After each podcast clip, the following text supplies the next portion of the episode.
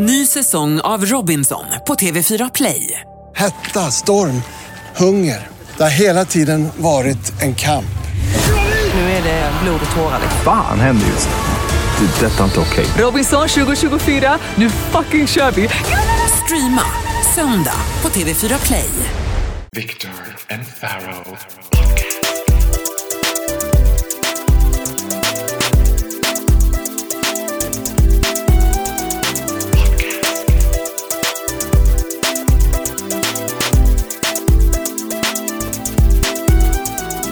Viktor och Faraos podcast. Välkommen till Viktor och Faros podcast. Viktor och Faros podcast, eh, succépodcast med lyssnare i över 19 länder. Ja, 5000 lyssnare över, i över 19 länder. vilket är Två stycken på Filippinerna. I två helt olika städer också. De är inte där och backpackar tillsammans. Du har drömt hela ditt liv om att bli big in Japan, but we went big in the Philippines. Du sa ju till mig en gång att din absolut värsta nightmare skulle vara att bli stor i Asien. ja, men det skulle vara så jävla waste. Jag tänker, varför vill man vara stor i Asien? Vilket var onödigt. Alltså, om- ja, om du vill ha manliga fans, det är det du menar.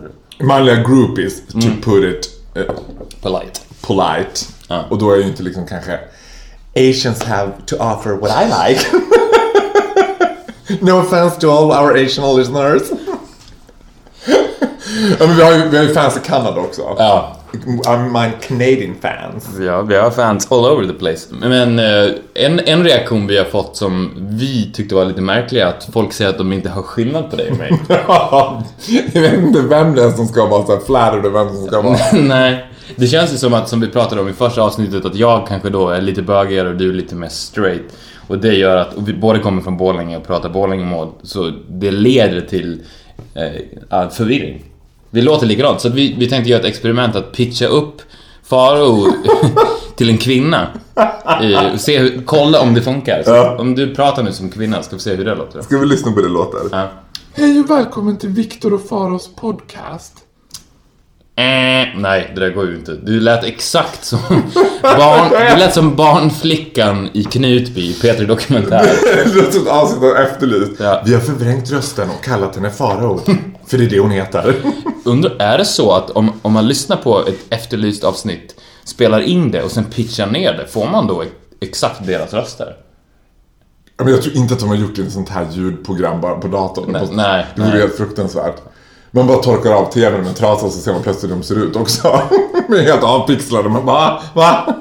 Men det där funkar ju inte idag heller. Med alla så här mediagrejer med avpixlat och allt möjligt. Det är ju helt onödigt att förvränga bilder och förvränga röster. För alla vet ju liksom inom 20 minuter vem det är ändå. Ja. Så det är totalt poänglöst. Pointless. And now we're up and running! Woo! Eh, ska vi prata lite om Amsterdam? Du har varit i Amsterdam i veckan. Ja, jag har varit i Amsterdam. En av Europas kanske mest sexuella städer, men non-homosexual towns, skulle jag säga. Det var inte särskilt bögigt. Jag har ju en av mina kompisar Simon som jobbar i Amsterdam och det var, jag var där för att hälsa på honom. Och hade någon bild av att Amsterdam skulle vara som lilla Berlin, typ. Ja, och eh, problemet när det blir så där extremt dekadent och då liksom de lever och frodas i en konstant, i ett konstant gräsmoln med liksom horor höger och vänster är ju att eh, det blir ju ingen mystik utan till slut blir det ju bara tråkigt. Och jag tror också att eh, det är svårare för, för ho- homosexuella kanske att eh, hitta sin plats som outsiders eftersom alla är outsiders. Ja, Och samtidigt måste, alla är verkligen outsiders, men grejen är att när en stad får en sån där myt om sig som Amsterdam har, precis som du säger att det är dekadent, att det är liksom ett konstant gräsmoln och horor i varenda gathörn. Så blir det ju också så jäkla turistigt. Så den vanliga holländaren tror jag inte liksom röker på 24-7, men det är bara engelska turister. Det är som ett så här. Det är alltid farligt när en plats attraherar britter. Åh, Ja, då, då vet ni. Det är samma med Ibiza. men they are the worst. Ja, det är hemskt. Det alltså. känns som ett europeiskt Las Vegas. Som man bara, och Red Light District som då är den, en av, om man kan kalla det den största turistattraktionen. Alltså prostitutionsgatan där tjejerna står som typ i små telefonkiosker. Först var jag, det triggade ju enormt min nyfikenhet på hur det funkar rent administrativt liksom. Tjejerna står på rad i liksom in upplysta glasburar typ och dansar. Och så får man knacka på och så får man komma in.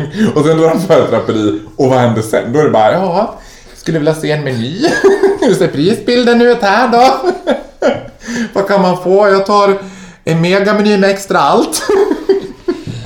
Och jag tänker som man, alltså det där är liksom något som man står helt utanför som homosexuell eftersom prostitutionskulturen är inte lika stor liksom. Åtminstone inte på det sättet. Nej. Och jag tänker att man skulle känna sig så liksom, dek- inte så depraverad, man skulle känna sig så som att ens sexualitet var liksom nere when the bottom is not. Jag kan inte fatta hur de kan få upp den i, i det sterila sammanhanget också. Det är ju ungefär som de ska gå på en, en rektalundersökning ju.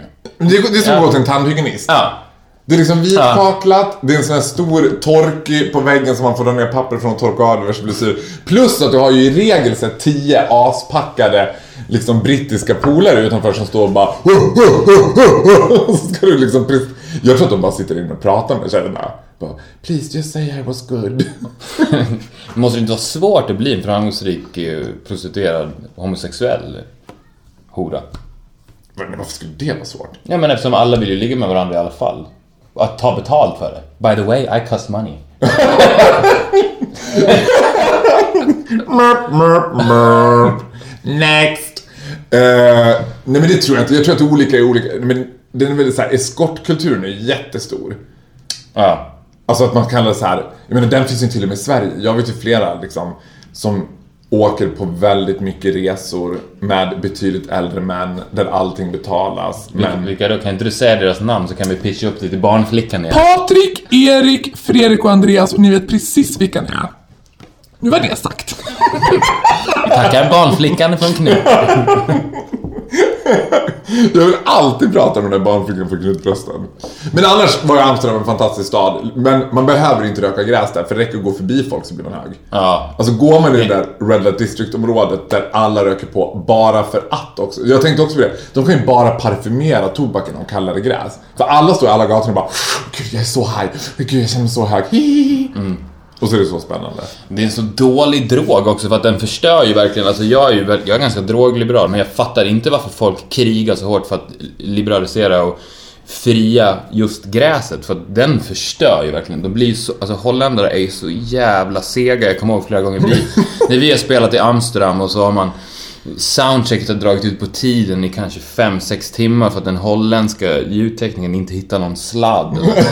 Och han bara står där. I don't seem to know where I put the cable.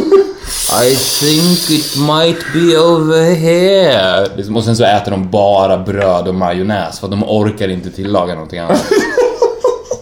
Så att den, alltså tänk dig om Amsterdam hade haft en lika liberal inställning till amfetamin. Oh shit. Då hade vi fått grejer. Here's the wire, I found it! Så använder du ursäkten på 30 sekunder och bara Andan, andan!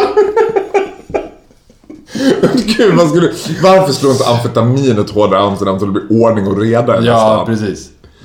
Men, och språket är också helt absurt. Otroligt fult. Och folk säger ju att, att det låter som svenska. Att men det tycker jag också. Ja. Jag tycker det. Ihåg ibland, så använder inte om det är så här fulla svenskar eller om det är... Det låter mer som svenska än som danska. För alla säger att danska låter som full svenska. Mm. Det är synd att svenska i så fall är så fult. Och det är ju också helt otroligt att det är två stycken på Filippinerna som sitter och lyssnar på det här otroligt fula språket. De, de fattar ju ingenting, även om vi ganska ofta säger engelska ord. Men det måste ju låta för jävligt då. Det är ju inte, det är inte music for their ears att lyssna på svenska om man inte kan det.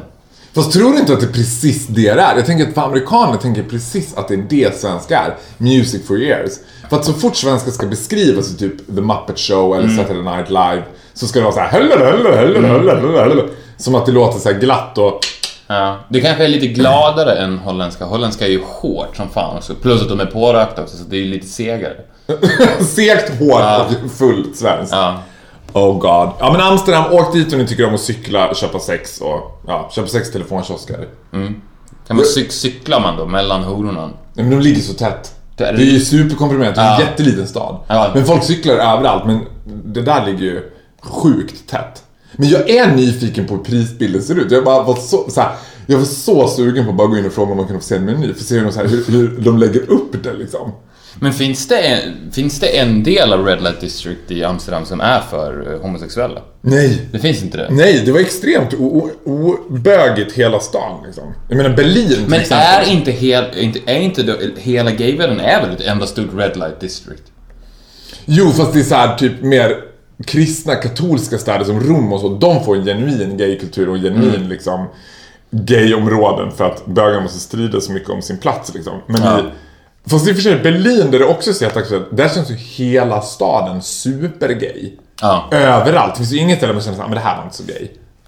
Tyskar är ju ganska bögiga i överlag. Period. Ja. That's why we love it.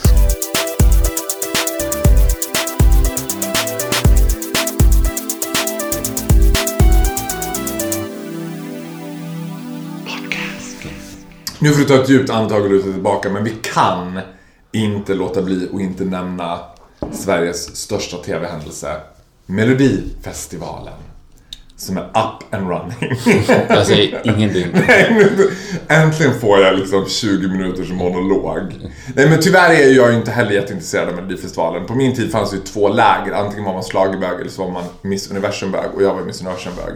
Vad, finns Miss Universum fortfarande? Ja, det är, ja, men det är klart det finns. Det är ju skitstort i sydamerikanska länder, USA och, och Sverige skickar också en representant varje år, men typ som ingen vet om det är. Någon tjej som jobbar på Lindex i Mjölby typ. Ja, men du får åka med Universum. Och bara yes! Vi vinner ju aldrig längre. Those were the glory days. Men det är up and running och grejen är att det som är så jävla tråkigt nu är att varför försöka hotta upp någonting som funkar bäst när det bara är bögar och utvecklingsstörda som lyssnar på det? Det blir mycket bättre att bara ha det här trallvänliga umpa umpa. Nu ska det vara så här creddiga, Miss Li har skrivit låtarna till några av de som är med liksom i Ja, såg det. den deltävlingen som var nu. Skulle du kunna vara med? Nej, alltså jag har ju fått, jag har fått förfrågan flera gånger att vara med i Melodifestivalen. Jag har ju alltid tackat nej. Jag tyckte att det var provocerande. Både som låtskrivare och artist, eller bara som låtskrivare? Som artist primärt, några gånger. Jag har alltid sagt nej, nej, nej. Jag skulle hellre städa toaletterna på McDonalds med en tandborste. Typ. Nej men alltså jag, jag hade liksom fattat den här grejen med att, att till varje pris synas. Förstår du vad jag menar? För att då, så här är det ju att det, in, det går inte att tjäna på att vara med i Melodifestivalen. Till och med Loreen, som ju maxade den festivalen. Det går ju inte att bli mer framgångsrik än vad hon blev. Hon vann stort i Sverige. Hon vann hela Eurovision.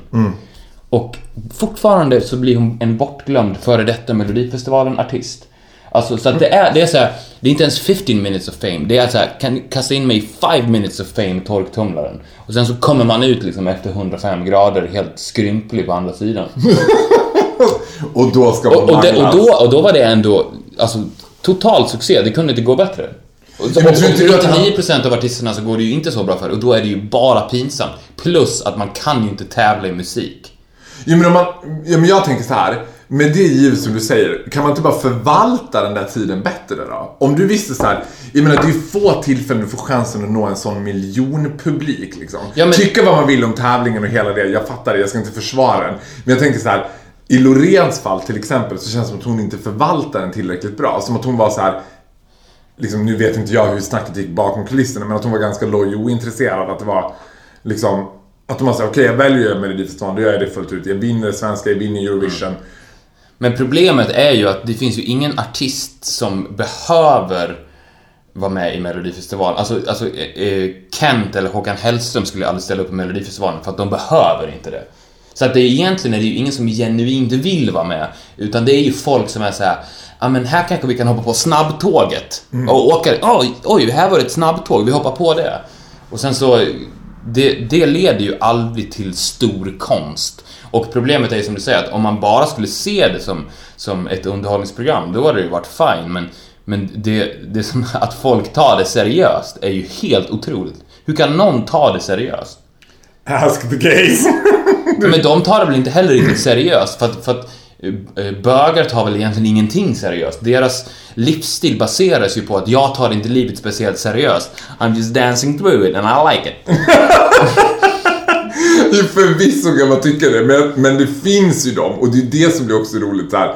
Det finns ju de som skulle platsa i TV3-dokumentärer efter de har sett Melodifestivalen för de sitter och pratar om Melodifestivalen i akademiska termer och det litar upp staplar och diagram och ja, det bästa Mm. Fast det är ju att börja trea från slutet, det vet vi sen Carola gjorde om 1900 du vet Men det är ju, gör, bögarna gör det. Ja. Ja, och det är ju också ex- extremt obögigt. Det är ju väldigt, alltså att vara en nörd känns ju som en av de mest straighta egenskaperna man kan ha. Nej, Sitta och ja. föra statistik, du vet. Så här, ha perfekt koll på en fotbollstabell. Fast I hate to tell you, we walk among you. Det finns ju olika Ja, sorters det, alltså, det kanske... Det Men finns ju de nördiga gör flatorna, flatorna också det? Nej, gud. Nej, det är bara bögarna. Ja, men Men så, Flatorna är ju helt ointresserade av Melodifestivalen. ja. Finns det någon motsvarighet till, till Melodifestivalen för flator? Traktorracet i Visby kanske Forgive me, lesbos. Forgive me. Nej, men jag är ändå fascinerad av att det är så här... eh, Att det har ju blivit så svennigt med Melodifestivalen. Det var det ju inte för några år sedan. Att det, det är just, folk samlas ju kring den helt och hållet. Det är, ju, det är ju verkligen Sveriges största musiktävling. Eller Sveriges största musik... Eller... Va? Sveriges största underhållningsprogram. De har ju så två och en halv miljon tittare varje gång. Det är så enormt stort. Och det sjuka är att det är så himla lokalt. Det är bara så här stort i Sverige. England, där det är liksom, jag menar, engelska bögar gillar också den typen av ompa ompa schlager Där tar de bara ut ett bidrag. Ja, du får åka representera England. Det är ingen tv-sändning eller något så här engelsk melodifestival eller någonting. De skriver ett bidrag till ut till Sofia med Eurovision. Ja, det är ett jättemärkligt fenomen att just i Sverige, som ändå känns vill vara ett modernt och fräscht land, håller sig fast så starkt i någonting som känns som att det borde ha dött ut på 80-talet. Men varför måste det alltid vara så att stor konst ska vara förknippat med att det inte är kommersiellt? För precis så är det, precis som du sa så här, att det blir ju ingen stor konst om man hoppar på ett snabbtåg och hela det där. Jag som står för liksom slaskkulturens okrönta konung har jag aldrig förstått den här grejen med att så här, okej man skriver musik eller man målar eller vad som helst av performing art. Och det ska vara så här, ja men det här är så svårt så ingen fattar det. Man måste väl hela tiden ha en så här kommersiell Ja, men det- aura över att man tänker så här, kommer, det här, kommer folk att gilla det här? Fast det, det här kanske låter lite brutalt, men så här är det ju att uh, uh, musik... Uh, Melodifestivalen fallerar ju med att det är en musiktävling där folket röstar. För att det är så att folket vet inte bäst. Det är konstnärerna som vet bäst. Så att den bästa typen av konstnär, han säger så här: Här är ett konstverk, jag har gjort det. Du är tyvärr inte tillräckligt smart för att förstå att det här är bra. Men jag, jag säger till dig, det här är bra. Och sen så konsumerar de det. Och Melodifestivalen är ju tvärtom, för då, är det, då frågar, man, frågar man den stora massan. Tycker ni att det här är bra? Och eh, om man ska vara krass, den stora massan är inte så smart. Har du någon gång tänkt såhär Victor, åh om jag bara levde i Tyskland på 1930-talet. I would have been so popular. Det känns väldigt såhär, folk vet inte vad de gillar, folk vet inte vad de vill ha, bara de låter mig bestämma. Jag förstår vad du menar, men ändå såhär, om man tänker bort med Men problemet är, jag har inget problem, så här, jag har inget problem med Melodifestivalen. Jag har problem med att folk eh, i, i min bransch tar det seriöst. Alltså jag, jag kan titta... Men gör man det i din? Ja, det är det som är problemet. Jag kan sitta och titta på Melodifestivalen och underhållas och tycka att det är jätteroligt. Verkligen, absolut. Men när de, när, när musik, alltså skivbolagsfolk börjar ta det seriöst, musikjournalister som ena dagen ska recensera en svår indieplatta och dagen efter sitter och analyserar liksom Neverstores bidrag i Melodifestivalen. Det är där det fallerar för mig. Ja men det kan jag hålla med om, för det blir som att man bakar in allt i samma träsk. Ja, liksom. och anledningen till att de gör det är ju det, för att det är ju det enda forumet som du säger i musik där folk fortfarande tittar. Om det hade varit en indie-tävling så hade de ju haft 20 000 tittare istället för 2,5 miljoner. Fast å andra sidan så är det inte den musiken som folk lyssnar på heller. Jag menar hur många skivor säljer Loreen? Hur många skivor sålde Loreen av sin platta som hon släppte efter Melodifestivalen? Trots att hon gjorde så, precis som du sa, så mycket supersuccé som man Inte kan. många. Om du inte är en schlagerartist. Ja, Om det är precis. Carola, Shirley Clamp, Charlotte Perrelli, Lena Ja. Philipsson, Kikki Danielsson, då är du beroende av den tävlingen. Det är därför de är med vart fjärde år för att säga ja ja, nu ska jag släppa en platta. Jag måste Då kan de göra Silja Line i, i tre, tre, I tre tre säsonger till. Ja, precis. Och det har jag också full respekt för. Det är det som är problemet, jag har ju full respekt för dem. Det är deras grej. Men när någon liten så här seriös konstnär ska hoppa på deras snabbtåg till Fame and Fortune. Men det är inte problemet så här. för tio år sedan så tävlade man i schlager, nu tävlar man i musik. Nej, Det är det som är problemet. För tio år sedan så var det man, så här, kan, man kan tävla i schlager, man kan inte tävla i musik. Skulle man kunna tävla i indiepop? Nej. Men vad kan man tävla i schlager, inte indiepop? Eller, eller det är klart att man skulle kunna göra det, men det är ju helt poänglöst. Alltså det finns ingen... Det är som att säga så här. Vad, ska, vi, ska vi tävla i vem som tycker att spagetti och köttfärssås är godaste maträtten? Alltså, jag tycker det, okej, jag tycker inte det. Nej, okej.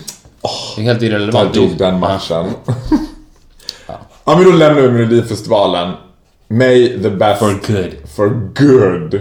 Det kommer ändå vara glömt om två veckor.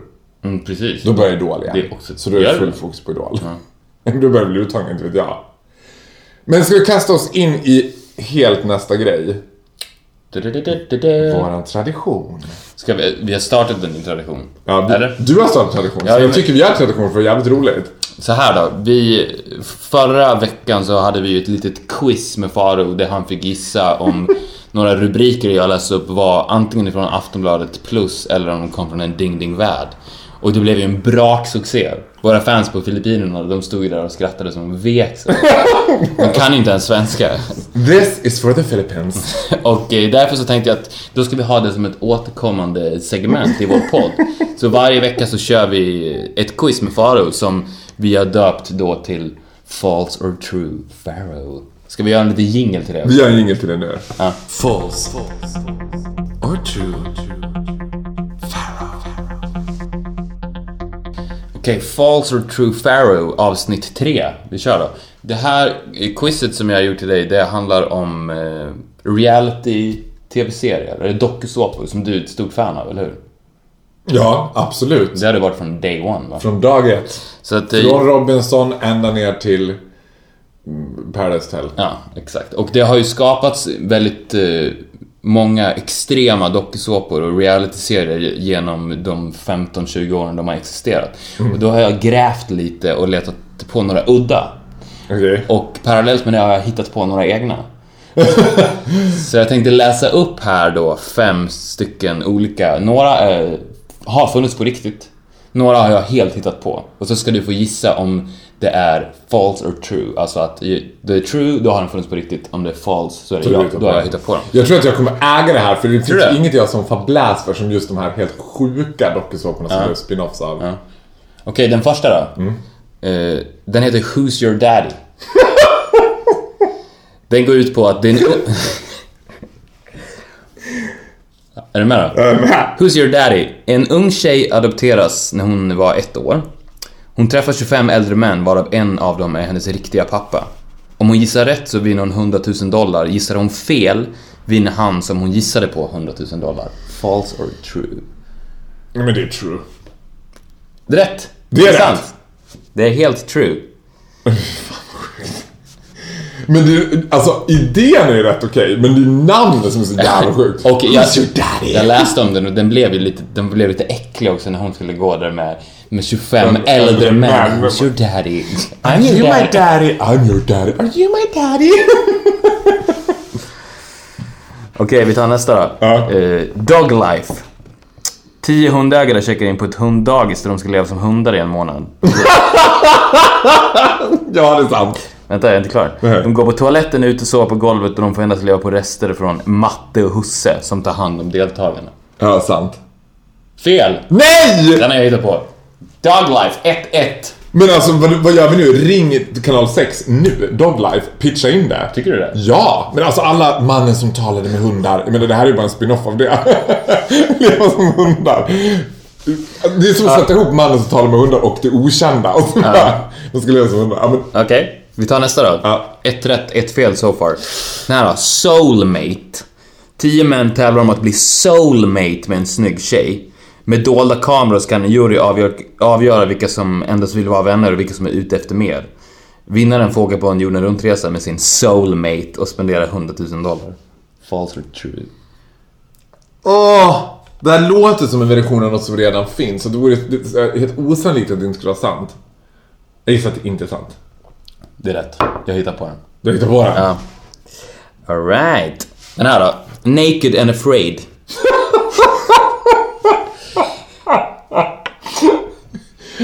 Exakt samma upplägg som Expedition Robinson fast alla är nakna. Ja, vet du vad? Det är sant, men det är sant, men det är väl bara två stycken. Den här serien har jag följt, Naked and Afraid. Oh. På Animal Planet och Discovery. Men det är bara en kille och en tjej, de är bara två stycken. Aha. Ja, jag... Som ska leva helt nakna och eh, leva av det liksom naturen. Okej, så den kände du till och med till? Den har jag till och med följt. De kan ju dock inte rösta ut varandra. Nej, så de, de, är bara, de är naked och afraid. of each other. Touch me! Om du, om du skulle vara med i Naked and Afraid, vem skulle du då ta med dig till den ön? En kvinna? Ja, Jag måste alltså, ja, precis. Du måste ta med en kvinna för att du ska ju vara afraid. Alltså du måste umgås med den här kvinnan konstant naken.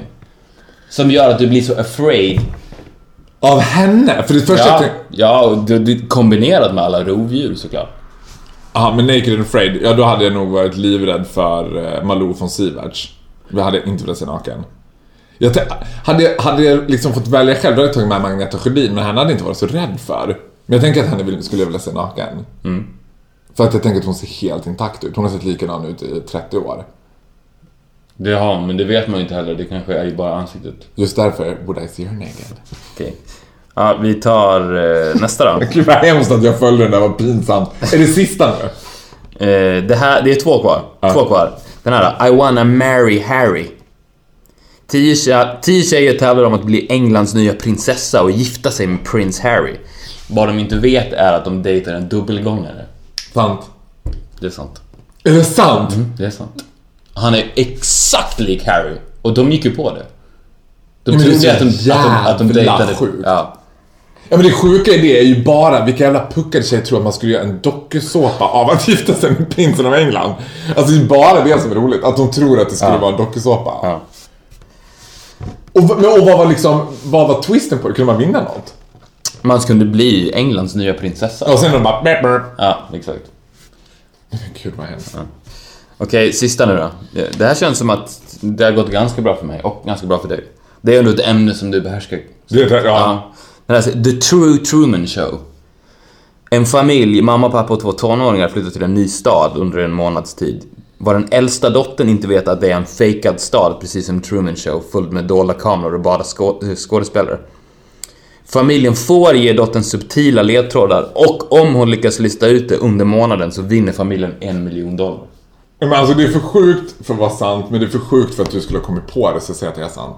Fel, det hittar jag på. Nej! Du är sjuk! Jag är sjuk. Men varför, var, var, hallå, varför jobbar du inte på en reklamkanal och bara pitchar in idéer? Ja. Det är väl helt fantastiskt. Vi har Doglife, vi har The True Truman Show.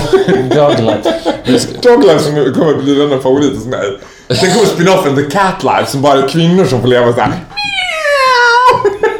Bara lesbiska kvinnor som får gå runt i ett rum och bara The Cat Life.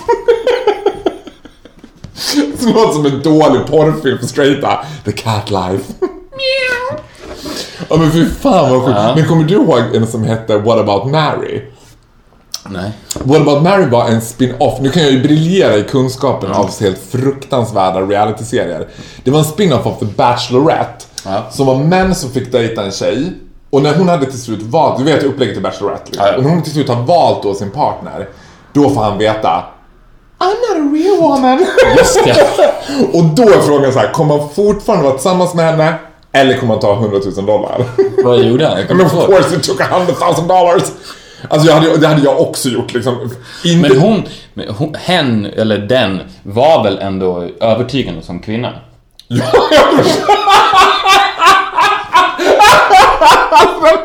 var det skit som hon bara I'm a real woman. Well, hello guys, it's time for me to pick my rose ceremony. Och de bara There is something about Mary. Something about Harry. Jag vet inte, something about Mary Harry or... Man, man, man, man Hon var, kan, ju, hon var ju en, som man politiskt korrekt ska säga, en könskorrigering. Så hon var ju fullt ut en kvinna liksom. Hon hade, hon hade inte... man kanske skulle kunna slå ihop då den eh, I wanna marry Harry och There's something about Mary och göra There's something about Harry. Där Harry är, han, dubbelgångaren till Prince Harry är i drag. I drag. Ja. Ja. men det, ja, det hade varit ännu Han hade gjort en fruktansvärt dålig dragqueen. Men det är så sjukt då. Men, och, men sen en annan sak som jag har tänkt på är här, man borde göra en, en version av Big Brother som heter Big Brother Family Edition. Där man bara släpper in familjer i husen och där familjemedlemmarna får rösta ut varann. Det har ju också varit så här, det har vi inte sett tidigare. Men vad är poängen med det då? Jo men det blir lite Incest. gickigare. Nej men inte, de ska inte ligga med varandra, de ska bara rösta ut Inte, varandra. poäng, inte bara poäng med Big Brother att någon till slut kommer ligga med någon. Alltså, är inte, det känns som att Big Brother endast existerar till så här, tonårskillar som inte törs titta på porr, men så säger nej men det, det här är ett TV-program mamma. Den här, det Fast man här, får inte se någonting. Det är så här, du får se ett täcke som ompar upp och ner. Ja. Då finns ju Paradise Hotel mycket bättre. Jag, får inte, i och för sig, jag tänker så här, hade jag varit med i Paradise Hotel, då hade jag knullat full frontal framför kameran. För då hade de inte ens kunnat få med något. Det är att de ska ligga under täcket och ompa och bara... liksom, och, herregud, men den porren man kommer åt idag, det är pisstråkigt att kolla på det. Speaking up, har du sett 50 shades of Grey? I would rather motherfucking die. alltså, jag hade hellre dött än att se 50 shades of Grey. Jag tänker att det är liksom det ultimata tantsnusket. Ja, det är ju Ladies Night. Ja, det är Ladies 2.0. Ja, Ja. det är två och en halv timme Ladies Night med popcorn till. Jag kommer, jag kommer ihåg när vi var, vi var i Portugal på semester, det var när 50 Shades of Grey hade blivit, precis kommit ut och blivit så stor. Så låg det vid poolen massa, på tal om, brittiska tanter Åh. som satt och läste 50 Shades of Grey och man såg liksom svetten lackade och så vidare och så vidare. Jag hoppas det var galonmadrasser över de där solstolarna som gick och raka av sig. Och bara, oh god I wet myself. Oh.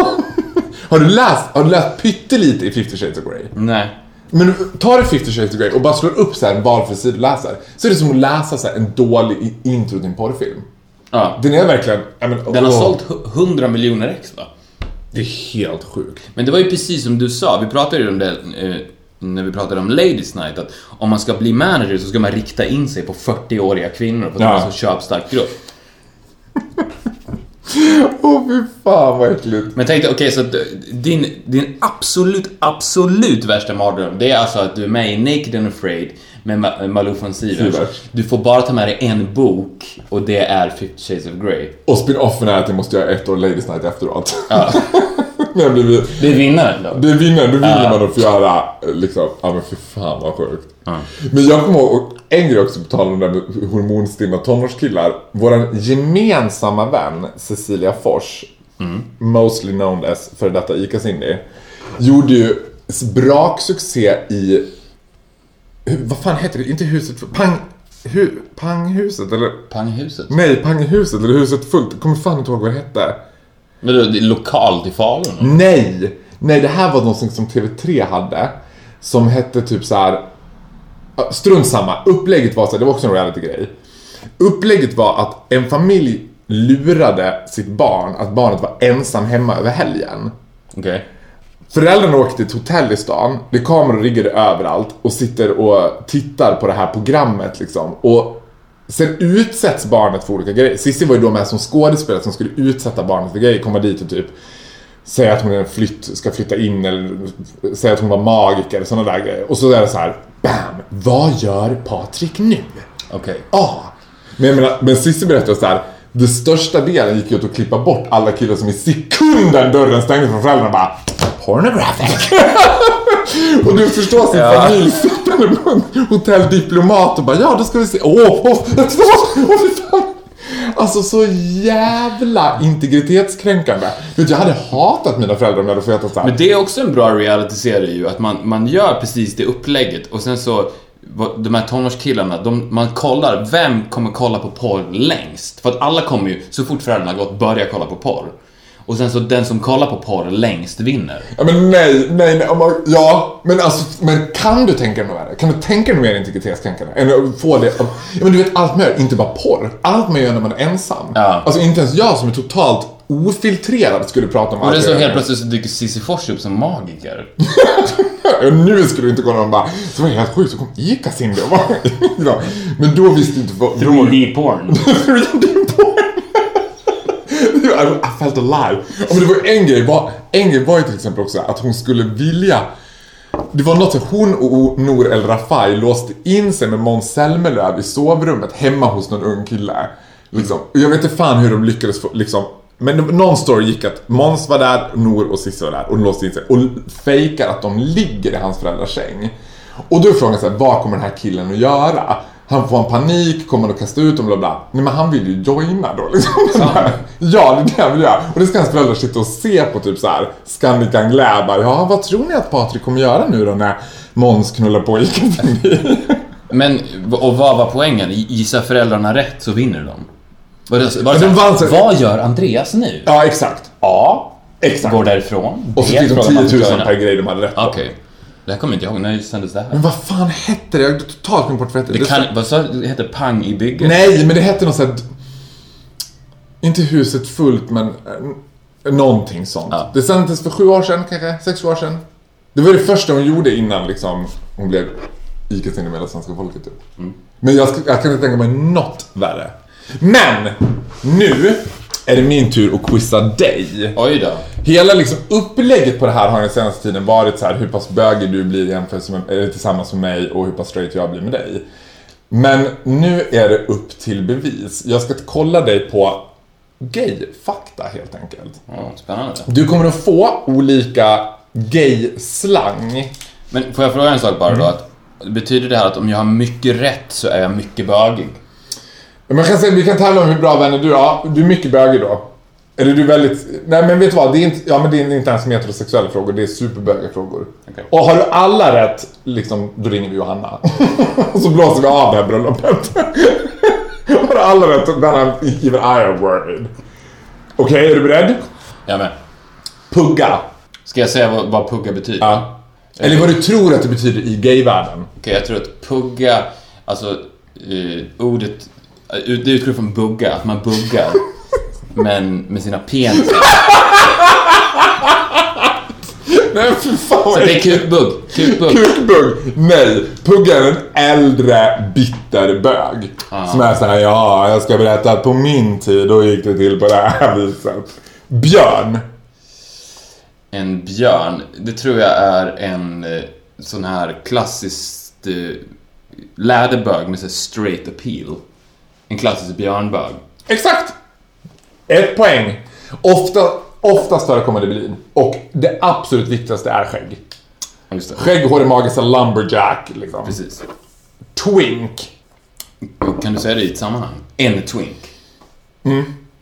En twink eller... Han är twink. Han är twink. Eh, twinke, twinke, twink. Twinkle, twinkle, little twink. Det är inte att twinka, utan en twink. Det är inte att twinka, det är att vara Att vara en twink, ja men då, då tror jag att det är björnens motsats. så. En liten twink. Alltså, inget hår, len som en stor babystjärt och eh, smal och ung. Ja, och där, det finns... Helt rätt. Ja. Eller pojkaktig. Det går lite tillbaka till det vi pratade om första avsnittet. Age-play. Age-play. Fast de har ingen med björnar att göra. Björnar gillar inte twinks och twinks gillar inte björnar. Okej, så björnar gillar björnar och twinks gillar twinks? Nej, det- så lätt är det inte. Om du är twink och gillar björn, då kallas du kobb. Okej. Som betyder björnunge. For information. Om du inte visste det. Okej, Cub life då? cob life. Du måste leva hela ditt liv som björnunge. Camp. Camp. Ja, Alltså, också i ett sammanhang, han är camp eller jag är en camp. det var alltså camp. Det var så camp. Eh, det tror jag är... Det var så camp. Det känns ju som en, som en referens till, till en camp, alltså ungefär ett sommarläger. Att man sitter kring lägerelden och grillar och... Eh, Ja, men skulle man kunna säga att det är gemytligt och att det var liksom väldigt familjärt? Typ, Ja. Eller att det var så här trevlig stämning. nej, någon, eller så här då, att, att det var camp, att det var, det var en, någonting väldigt straight som helt plötsligt blev gay. Vi satt, vi satt runt lägerelden, spelade gitarr och plötsligt började vi hångla. Det var camp. Okej, ja men... Nja, nja på den. Det är inte riktigt rätt. Camp är någonting väldigt feminint, eller väldigt så här over the top. Okej. Då är det så, it was so camp. Okej. Drag är nästan alltid camp. Rimming, Asslicking. det kanske förekommer i din värld också. Fast det är jag. inte i din värld, men i straighta världen också. Ja, vi har, okej. Det är ganska känt fenomen tror jag. Är Tror jag att det är det? Du har, fått, du har två rätt i alla fall. Två, tre har jag väl? Nej, du har bara rätt för rimming och björn. Ja, twink, tre rätt, förlåt. Eh, versatile. Vet du vad det betyder? Men Ja, i vilket sammanhang använder man det i gayvärlden? Det används flitigt i ett sammanhang. Eh, Jag tror att det är när man är både en giver och en taker. BAM! Bingo ringo. Man är alltså både top and bottom. Då är man versatile. Ja, men det var det jag sa. Ja, jag sa det. Helt rätt. Sista, det här är en person. Brent Corrigan. Vem det är? Ja. Eh, jag tror att det är en... Jag tror att det är han som du la ut på Instagram som en gay porrskådis. Nej, han heter Jake Bass. Okej. Pa- pass. Ja, men du får rätt för det. Han är också, han är, han är skulle jag säga den största eh, nu aktiva gay porrskådisen. Är han bög? Nej, Han är straight? han är straight. Ja. Och, och Är han är han är straight, stor? twink och han har nu satsat på musikkarriär tillsammans med Roland Cedermark, vilket är helt jävla sjukt. Om du vet vem Roland Cedermark Ja. är. Dragspelskungen Roland Cedermark. Ja, men alltså, han är svensk alltså? Nej, han är amerikansk. Roland Cedermark har skrivit countrymusik till honom som han framför och, satt, och gjort den här hela liksom Tracy Lords, Janet Jameson-grejen. Jag håller på med porr, jag vill inte göra det längre, I'm gonna be serious, du vet. Okej. And it all went to shit. Sista frågan. Vilken låt börjar så här? Jag har aldrig slutat tro att efter varje natt väntar gryningen. Eh, det är väl Tusen och en natt? Nej. Är det inte? Fångar en stormvind. Ah, du ser. Badam! Ja men du fick hälften rätt, hälften rätt, hälften fel. Det var faktiskt jävligt bra alltså. Jag älskar att jag hade fel på, på Fångarna med stormen. Jag, jag älskar att du, jag, älskar inte jag, jag, vill, jag, vill bara, jag vill bara make it clear att det där var ett genuint fel. Ja men det tror jag. Jag fejkade inte det, nej. Nej men jag tror att det var ett genuint fel. Men jag tyckte det fel på pugga var roligast. Att det skulle vara kukbugga. Jag försöka införa Men gör inte så mycket kuk. Men kukfäktas, det gör de bara i porrfilmer. Och så här. Bara, you wanna pugga? You wanna go on my place and pugga? Ja, vad- pugg. Alltså det, det blir någon form av gladporr då i så fall. Jag vet inte vad ordet egentligen härstammar från. Pugga, varför man kallar äldre, liksom, bittra bögar för en pugga. Vem är den värsta puggan du vet då? Gardell. Nej, han är ingen pugga. Han är väl inte pugga på det. Men en pugga är så här, de är ju inte, oftast inte kända. Det är så här- Babsan. Nej, han är absolut ingen pugga. Han är en druga. Ja, okej. Pugga, det är liksom så här kultur... Ja, men man skriver på DNs kultursidor är bög och är så här, ja... Ska vi kalla det här avsnittet Quiz Night? Quiz night. vi kallar det här avsnittet för quiz night.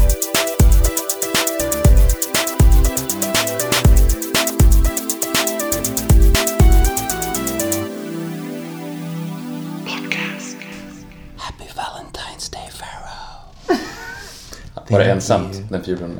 Nej, det var inte så ensamt. Nej. Jag hade ju Brent Corrigan och Jake Bass. Double date. Oj, oj, oj. oj. Uh, you're out of toilet paper. I'm out of toilet paper. I gotta clean with my hand. Därför är helt så kladdig i händerna just nu också.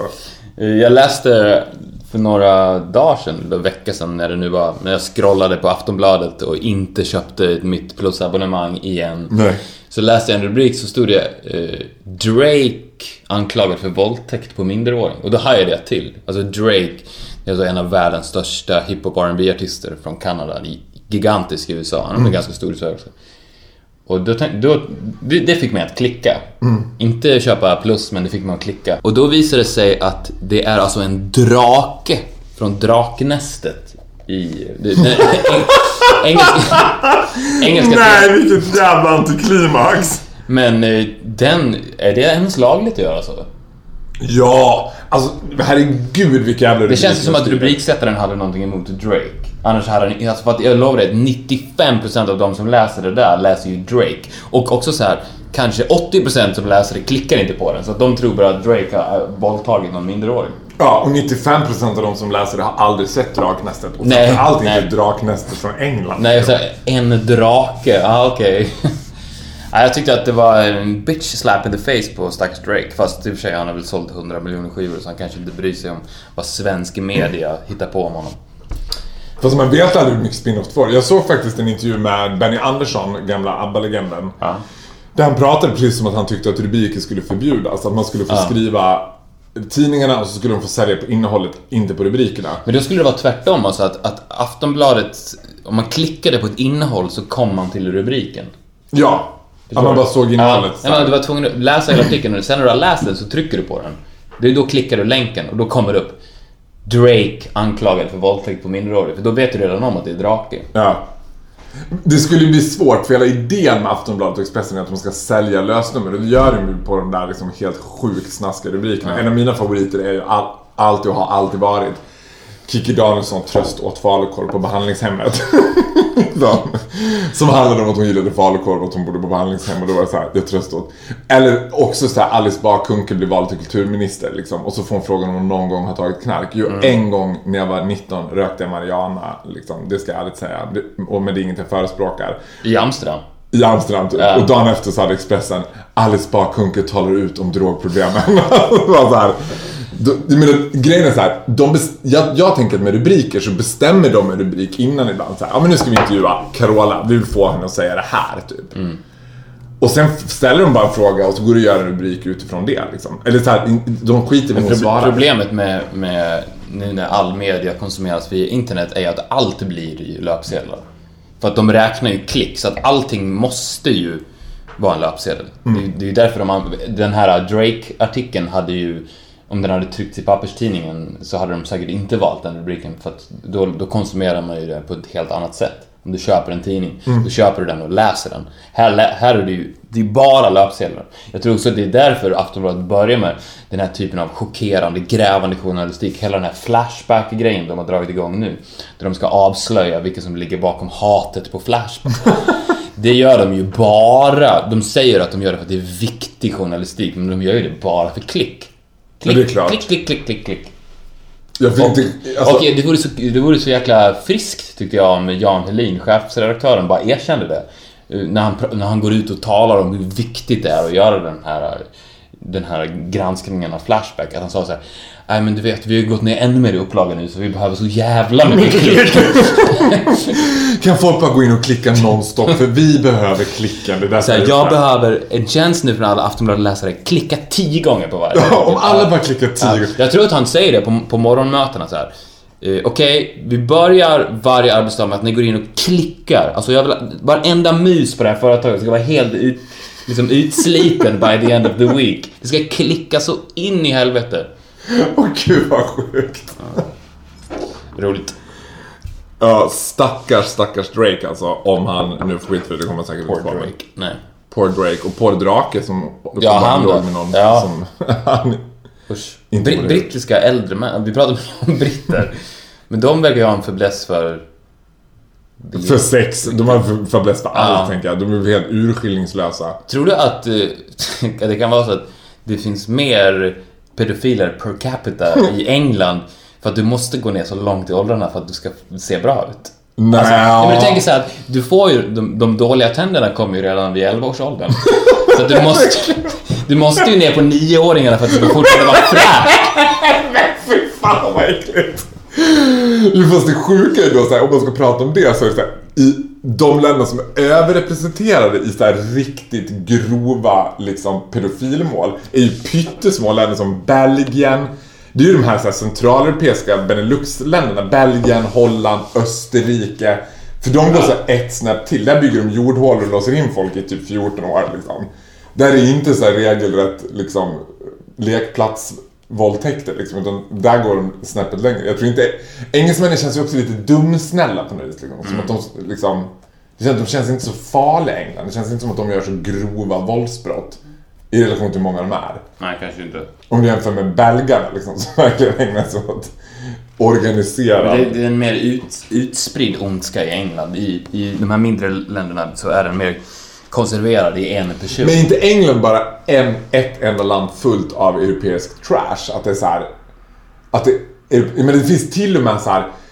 Den engelska bögen har mjukisbyxor och hood på sig hela tiden. Det finns ju så här fetischfester som kallas för English lads parties. Okej. Där man måste ha mjukisbyxor och mjukiströja. Man ser ut typ som men nu tror jag inte ens att du äger ett par mjukisbyxor, men om du gjorde så här, som du kanske skulle ha på dig i Borlänge när du åkte till ICA liksom, så måste man se ut för att komma in. Så ser alla engelska bögar ut. Arrangeras de här i eh, Stockholm? Inte i Stockholm, men de arrangeras över övriga Europa. I Stockholm går det inte, för här är alla fashionistas. Här arrangeras inte så mycket temafester. Ska vi arrangera en sån då? English Last Party. I would love it! Men herregud, jag älskar ju mjukisbyxor. Ja. Jag försöker införa den nya citybyxan som är en mer upphottad version av mjukisbyxan. En mjukisbyxa med detalj. Det går så där jag håller på att jobba i motvind med den här jävla citybyxorna alltså. Så det kanske är dags, vi kanske ska ordna en English last party. Ja, det kanske blir... eh, Ni kan spela i mjukisbyxor. Det kan vi göra.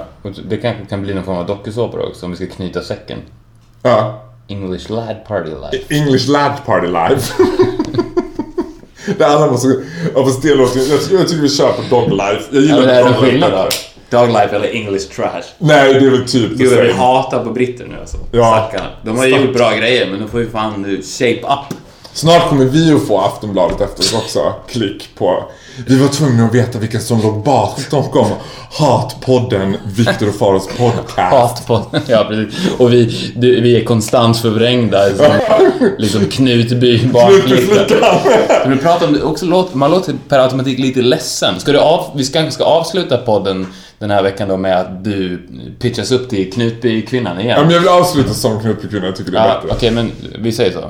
Ni har lyssnat på tredje avsnittet av Viktor och Faraos podcast. Glöm inte att ni kan mejla oss också. Det kan ni göra på viktorochfarao.gmail.com Eller följa mig på Instagram, faraogrot at Instagram. Ha en bra vecka. Hejdå! Happy Valentine's Day!